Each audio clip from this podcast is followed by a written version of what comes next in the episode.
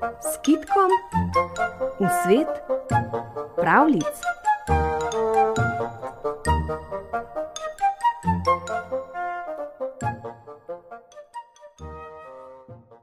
Tam za gorami, tam za vodami, tam sta živela starček in starka. Tako revna sta bila, da nista imela niti za kruh, pa sta odšla v gozd, nabrala sta zvrhan koš želoda in ga odnesla domov. In sta ga jedla enega po enega. Medtem ko sta jedla, pa je ženi eden od želodov padel na tla. Odgnal je in rasel, kmalo je zrasel do stropa. Poglej, mož, kakšno drevesce, je tedaj rekla starka. In kako hitro raste! Ko ne bi bilo stropa, bi gotovo raslo še naprej. Starček je prikimal, vzel je sekiro in v strop in v streho naredil veliko luknjo. Tako je drevesce raslo, raslo, dokler ni doseglo neba. Vidiš, je spet rekla starka, pa imava vendar tudi srečo. Vsaj v gozd nama ne bo treba več, kar na drevo bova splezala in si nabrala želoda po mili volji. In starček, ne bodi len, je res stopil po torbo in splezal na drevo. Plezal je, plezal, a želoda nikjer. Gledal je, gledal, želoda nikjer. Zato pa je tam, čisto na vrhu neba, zagledal prekrasnega petelinčka. In ob petelinčku je stal še mlinček, malo modar in malo zlat. Vzel je petelinčka, vzel je mlinček in se vrnil domov. Kako se je starka razveselila! Objela je svojega starega moža, pobožala je petelinčka in zavrtela mlinčkovo ročico. Glej čudo! Iz mlinčka sta padli palačinka in pita. Zavrtela je še enkrat, spet palačinka in pita. Vsakič palačinka in pita.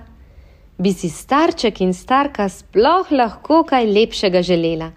Kar usedla sta se in sta jedla, dokler se nista dositega najedla. Ravno takrat pa je mimo njune hišice prijahal bogat zemljiški gospod. Dobri ljudje, je zaklical, ali imate kaj za podzob?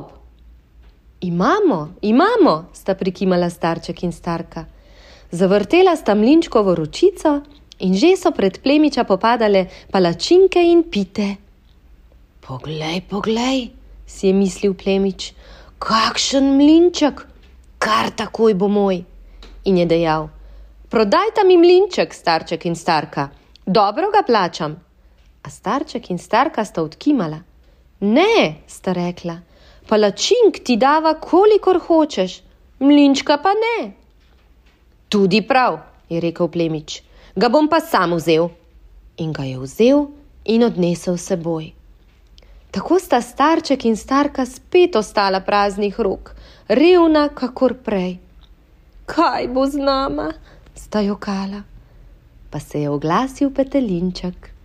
Ne joči, dedek, ne joči, babica, jaz vama vrnem čudežni mlinček. Skočil je iz hiše in stekel za gospodom. Pritekel je do njegove palače, se postavil pred gospoda in zapel: Ti preklicani plemiški tat! vrni mi mlinček modr in zlat. A gospod je poklical služabnike in ukazal: Stran, stran z njim, glejte, da ga ujamete in vržete v vodnjak. In služabniki so petelinčka ujeli in ga vrgli v vodnjak. Še preden se je petelinček dotaknil vode, pa je zaklical: Mali kljun, mali kljun, lepo pi vodico. In klunček je v hipu popil vso vodico. Petelinček je skočil iz vodnjaka, se postavil pred gospoda in zapel še enkrat: Ti preklicani plemiški tat, vrni mi mlinček modr in zlat. Kako? se je začudil gospod. Ga niste vrgli v vodnjak? Smo, smo, gospod, so rekli služabniki, pa je prišel nazaj. Potem ga vrzite v peč. In služabniki so petelinčka ujeli in ga vrgli v peč petelinček pa brž. Mali kljun, mali kljun, le izli vodico. In iz klunčka se je ulila voda, pogasila je ogen, petelinček pa je skočil hop iz peči in spet stekel pred gospoda. Ti preklicani plemiški tat, vrni mi mlinček modr in zlat, je pel in ni odnehal.